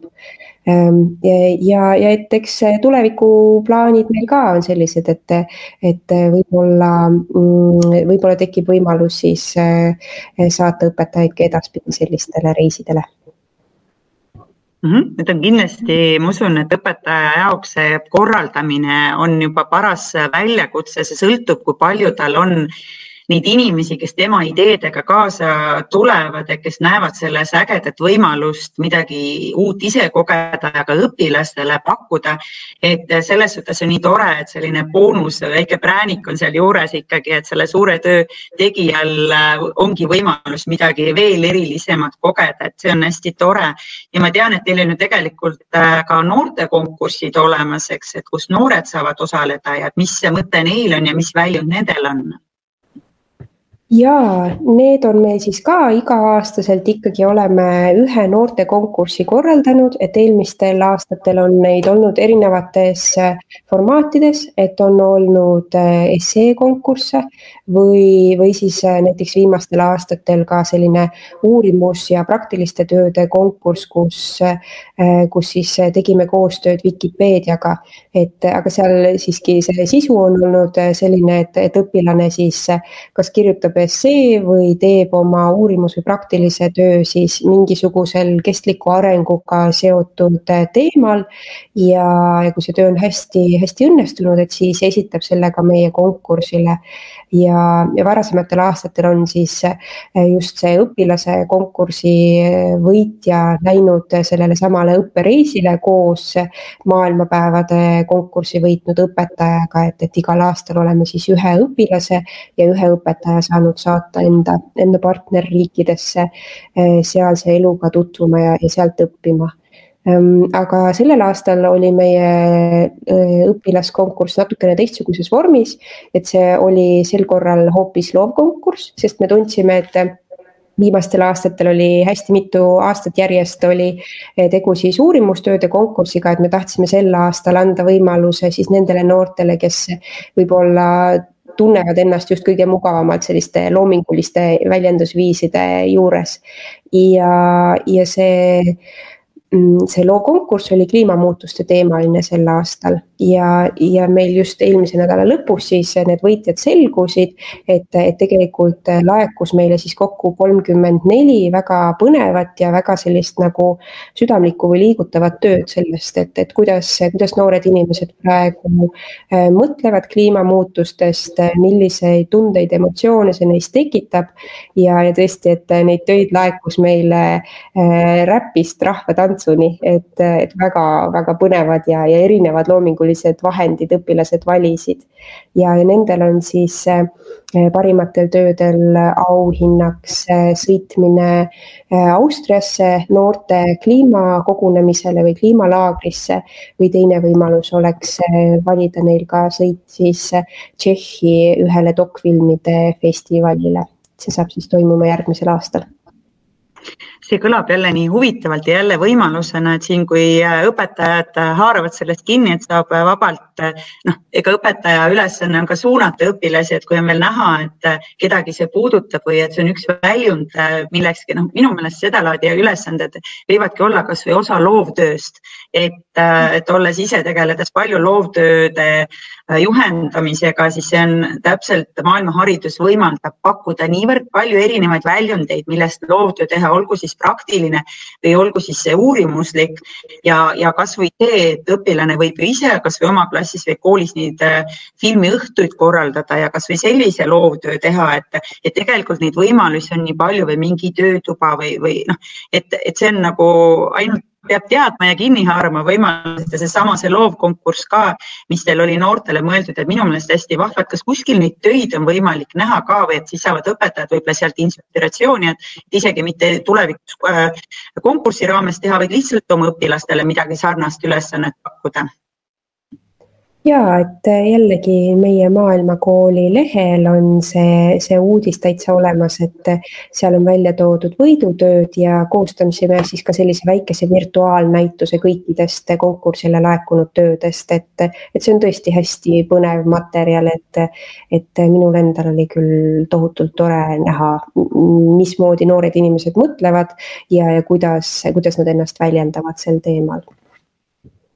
mm. -hmm. et see on kindlasti selline hea mõte, mida kõigil kuulajatel ka kaasa mõtta, see ei pea olema alati la, äh, nagu õpetaja, see võib olla ka lapsevanem, kes mõtleb, oi, et noh, et kelle laps näiteks otsib mingit teemat ja tahaks uurida ja teda võiks see puudutada, et saabki juhtida tähelepanu, et ka selliseid teemasid on võimalik käsitleda ja mine tea, võib-olla mingil hetkel ka kuskil konkursil osaleda, et ega kunagi ju ei tea seda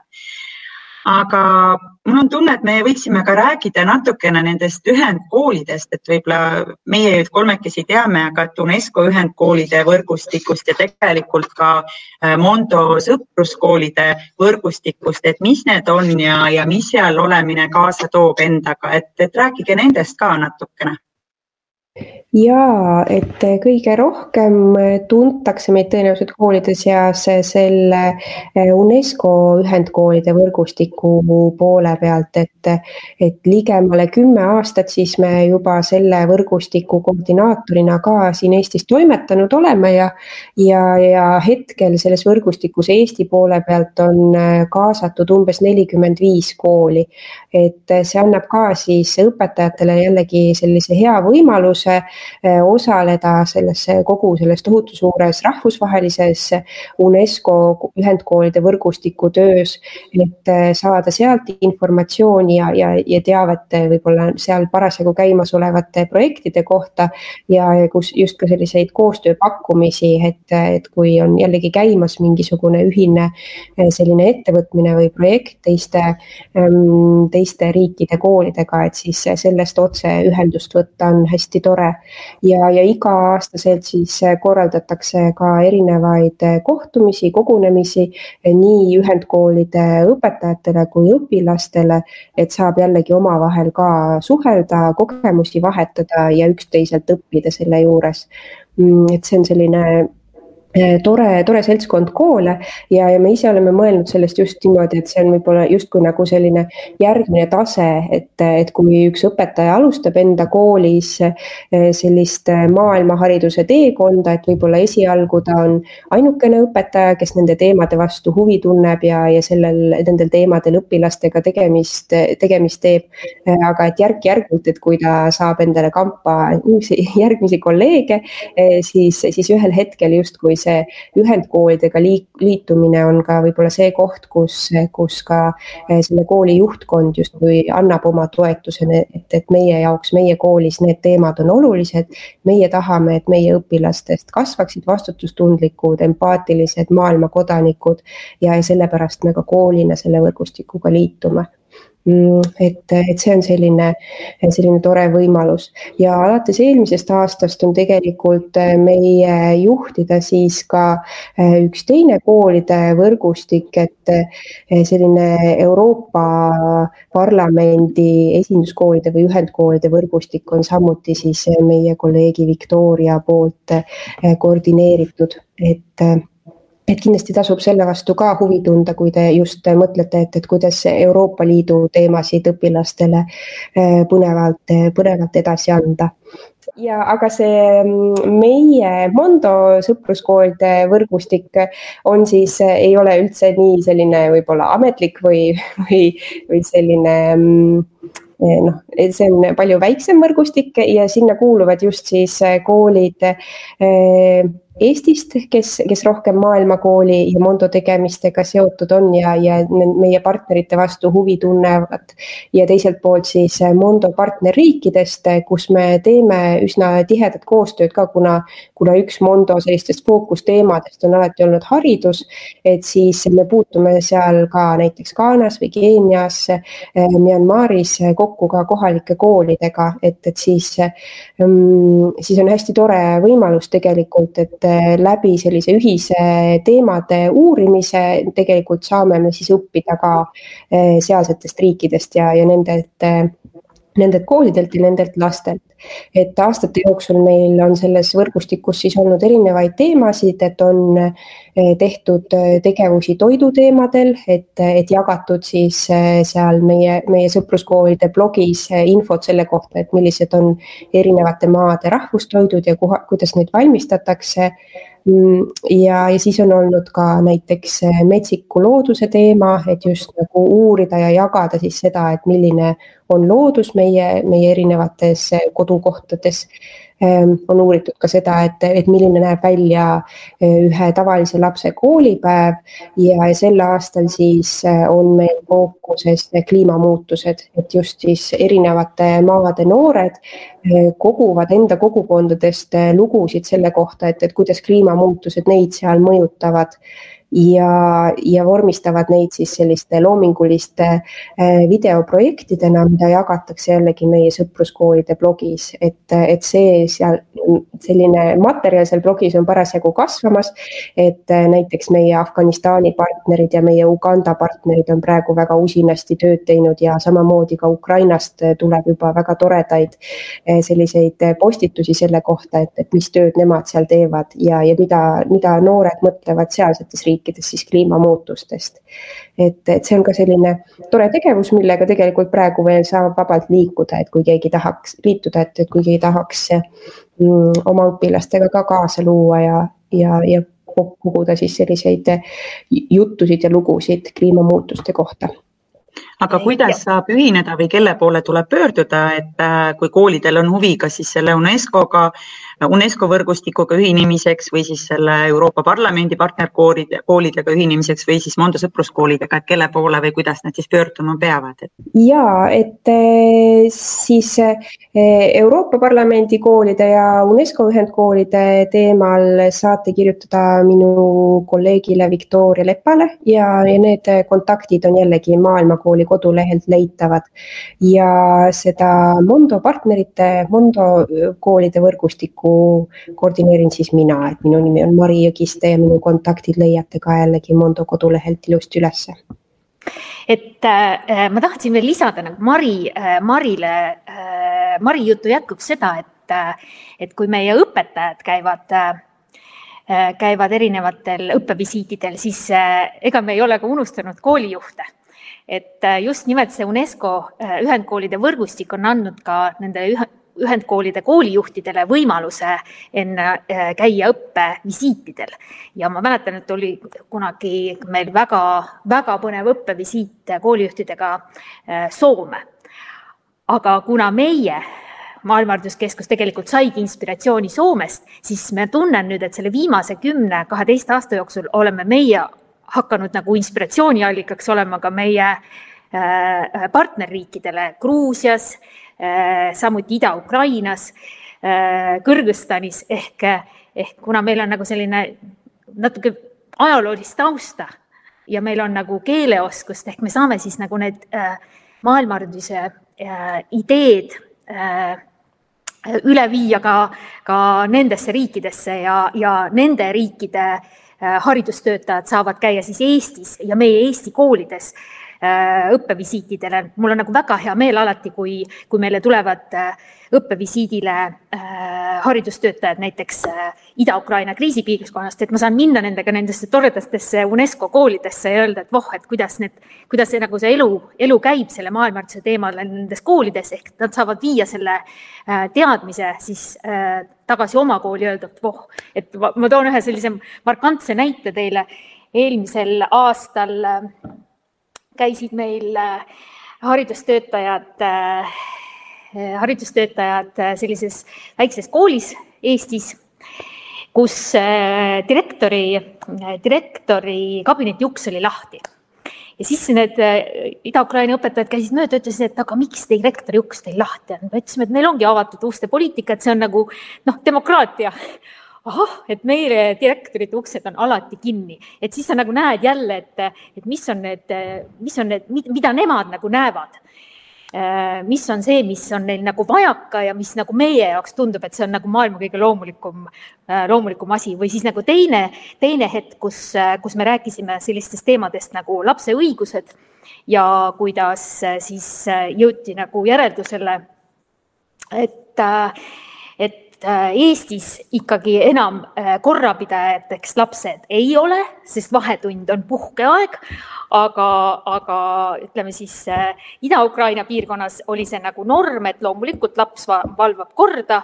ja, ja puhkab siis, kui on kodus, aga nende see nagu see noh, nagu selle mentaliteedi või suhtumise muutus ongi see, mida me tegelikult siin äh, loome, et, et saada nagu aru, mis on nagu äh, mis vajab muutust, ehk ega me ka ei teadnud siin kümme-viisteist aastat tagasi mõnda asja, mida me nägime Soomes ja tegime, et ahaa, et see on nüüd tegelikult see, mida me peaksime üle tooma siia oma kooli. et äh, nüüd me nagu anname seda siit maailmahariduskeskusest nagu edasi järgmistele riikidele, et meil on nagu hea meel, hea meel ka selle üle see on kindlasti, see on suur rõõm on seda kuulata ja, ja ma just mõtlengi, et see ühe erinevates võrgustikes olemine ju ikkagi toetab seda, et need teemad on aktiivsemalt päevakorras, see võib-olla paneb rohkem tegutsema, et eks ikka kipub nii, et midagi uut tuleb, alguses suure hurraaga, siis on nii-öelda see äh, vajub kuidagi vaikselt ära, et tegelikult tõesti need ähm, sõpruskoolide omamine annab lisandväärtuse juurde ikkagi mingi teise suuna võimaluse reaalselt kellegiga midagi suhelda või, või mingid konkursid ja, ja rahvusvahelisel tasandil äh, võrrelda oma oskusi, oma, oma teadmised, mis ma saan aru, et seal UNESCO koolides ja, ja, ja Euroopa Parlamendi partnerkoolides on ka need just need rahvusvahelisus. keeleõpet saab, eks ole, arendada, et tegelikult noh, selle silmaringi laiendamiseks on need väga head võimalused, aga tõesti, siin on vaja sellist mitte nüüd ühte entusiastlikku õpetajat, vaid ikkagi äh, rohkem õpetajaid ja kindlasti ka juhtkonda, kes seda toetab, sest äh, üksinda, eks me kõik teame, et me võime rabada, kui palju me tahame, aga mingi mingil hetkel ikkagi see jaks äh, raugeb ja, ja siis on hea, kui on nagu sellist tiimitööd või, või rühmana saab nagu rohkem neid eesmärke ja kandvamalt nagu kasutada ja, ja koolis levitada ka et kuidas tundub, et kas oleks, on mingi teema, mida me võiksime veel siin kuulajatega jagada, et millest me veel ei ole rääkinud, aga millest kindlasti peaks veel rääkima? Võib-olla selle koha pealt, et me mainisime noorte konkursse, aga, aga et kui juba UNESCO koolidest ja sellistest rahvusvahelistest võrgustikest juttu oli, et siis tegelikult on, on meie, meie organisatsioon siis korraldamas ka selliseid põnevaid ÜRO matke simulatsioone noortele, et, et see on kindlasti selline hästi põnev jällegi rahvusvaheline ja, ja keeleõpet soosiv kogemus, mis, mis aitab ühelt poolt mõista nagu siis võib-olla suuremaid organisatsioone, et kuidas, kuidas see, see, need maailma tasemel toimivad ja teiselt poolt harjutada just enda sellist mm, eneseväljendust, esinemisjulgust ja, ja suhelda eakaaslastega. et, et see on selline suurem asi noortele, mida, mida me ka koordineerime et, et seda saab, selle kohta leiab ka infot Maailmakooli lehelt mm. -hmm. et mõtteid oleme nüüd hästi palju jaganud, et äh, loodetavasti on õnnestunud inspireerida ka äh, kuulajaid, et kes rohkemal, kes vähemal määral sellega kursis on, et mina võin omalt poolt öelda, olles ise praktik, et, et äh, me ei pea ju noh jälgima konkreetselt nii-öelda õpikut mööda liikuma, vaid ikkagi vaatama õppekava üleüldisemalt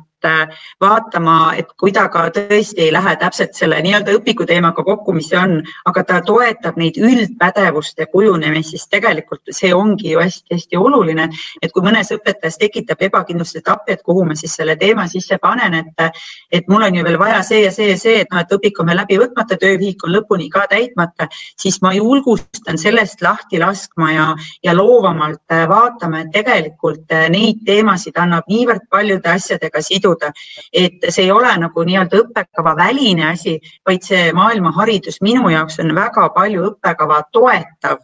asi. Ja ma võin oma õpilaste kogemusest öelda, nagu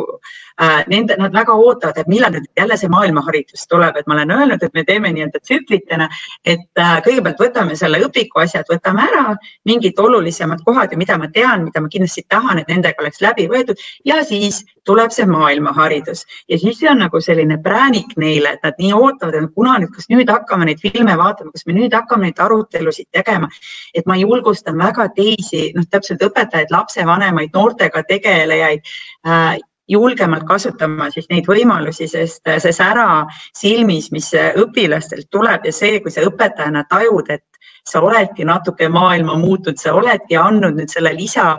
lisapuudutuse endalt, et nad natukene laiema silmaringiga oleksid ja, ja noh, noorte käes ongi ju meie maailm, et, et nemad ju on need, kes hakkavad äh, mingeid otsuseid tulevikus tegema ja tegelikult ka meie praegu tehtud otsuste tagajärgedega ju peavad nemad elama. et, et see teadliku maailma kodaniku kasvatamine, et see on minu meelest nagu see, see põhieesmärk, et siinkohal äh, tulebki mõelda, mida me tahame õpilastega teha. Ja kui neil on see huvi olemas, nagu täpselt need noored ütlesid, et palun räägime kliima soojenemisest ja tõesti mul kuuenda klassi õpikus ei ole kliima soojenemisest juttu, siis selge, ma vaatasin ka selle pilguga, et aa, et okei okay,, et võib-olla seda teemade plokki me ei jõua läbida, aga geograafiatunnis ma tean, et nad võtavad tulevikus kindlasti põhjalikumalt mingeid teemasid, ehk siis ma vaatan laiemalt ka, et kustkohast mul annab või mille arvelt mul annab nagu neid äh, Äh, maailmahariduse teemasid sisse panna, et kui mõni teema on, mis ma tean, et bioloogias või geograafias või kuskil leiab põhjalikumat käsitlemist, et nad igal juhul saavad seda, siis ma saan sellest natukene kergemalt nii-öelda üle libiseda, aga ma saan hoopis muud teemad sisse tuua, mis ka nende jaoks on olulised. Ja see, kui õpilased näevad, et nende soovide ja huvidega arvestatakse, nad on hoopis teise pilguga kuulavad ja mõtlevad, sest see oli nende huvidest lähtuv, mitte selle õpetaja või mingi õppekava huvidest lähtuv lähtuvalt või õpiku huvidest lähtuvalt, vaid nende huvidest lähtuvalt. et siinkohal ma tõesti nagu julgustan äh, vaatama laiemalt, et annab äh, sobitada küll erinevate teemadega ja ma usun, et äh, kõik kuulajad said siit nagu piisavalt aimdust ka, et, et kus seda infot otsida ja kui palju tegelikult maailmaharidus annab lisavõimalusi et see, see on nagu, ma loodan, et te siit selle äh, noppisite enda jaoks välja, aga võib-olla ongi aeg, et me hakkame vaikselt nüüd äh, lõpetama, aga ma arvan, et igaüks võiks siis veel midagi, midagi veel juurde öelda, et Mari-Kätrin, et kuidas sulle tundub, et, et kuidas, kuidas meil läks praegu, kas sai nüüd oluline öeldud ja, ja, ja mis sinu mõtted nüüd selle vestluse lõppedes on?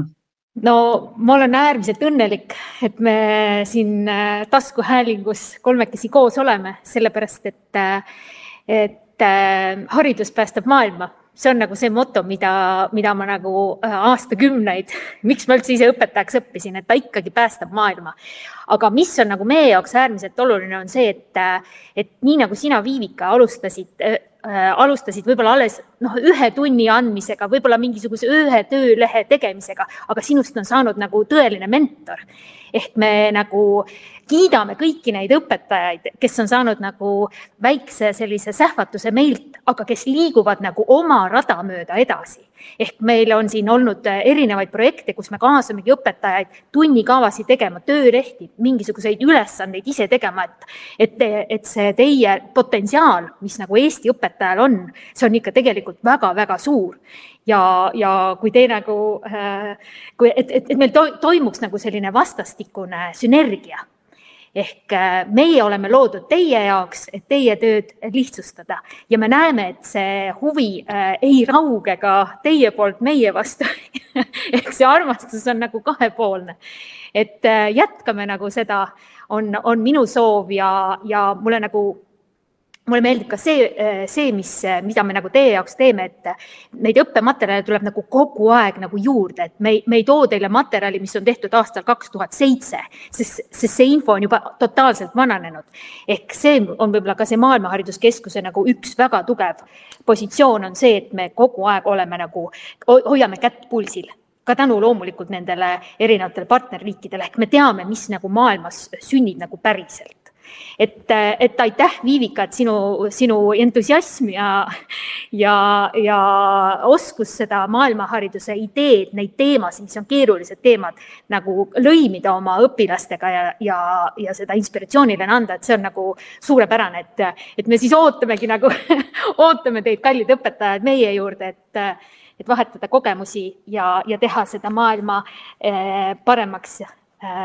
sest nagu me teame, muutus algab meist. aitäh, Mari-Katrin, nii heade, heade ja mind innustavate, inspireerivate sõnade eest ja Mari, sinu mõtted lõpetuseks? ja mina kirjutan kahe käega alla kõigele, mis te ütlesite, et tõesti mina ka siin Mondos äh, koolitusi korraldades ja, ja õppematerjale luues ja igatpidi õpetajatega kokku puut-, puutudes noh ma alati nagu hämmastun ja, ja kuidagi olen nii õnnelik ja tänulik selle üle, et Eestis on nii palju tublisid äh, haridustöötajaid, kes tegelikult sügavalt hoolivad sellest, mis maailmas toimuvad. et, et ähm,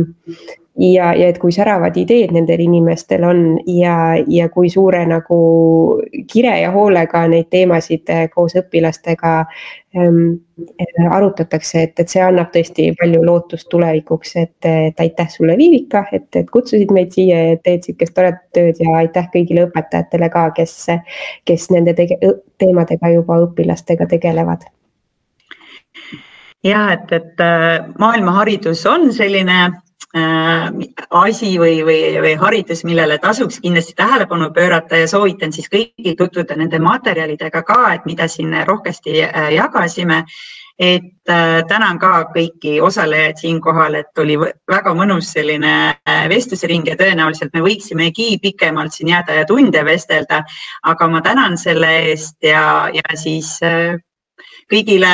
kõigile mõnusat äh, kevade jätku ja loodame, et see pandeemia, pandeemia saab varsti läbi ja, ja saame siis ka normaalse õppetegevuse juurde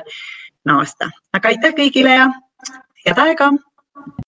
kui sinagi said koos meiega täna uusi mõtteid ja inspiratsiooni, siis anna taskuhäälingule hoogu juurde, likei, jaga ja kommenteeri meie postitusi sotsiaalmeediakanalites kui soovid taskuhäälingut Õpime koos toetada, siis täname sind annetuse eest MTÜ Tartu Loomemaja arveldusarve kontole. kõik vajalikud lingid leiab saate kirjeldusest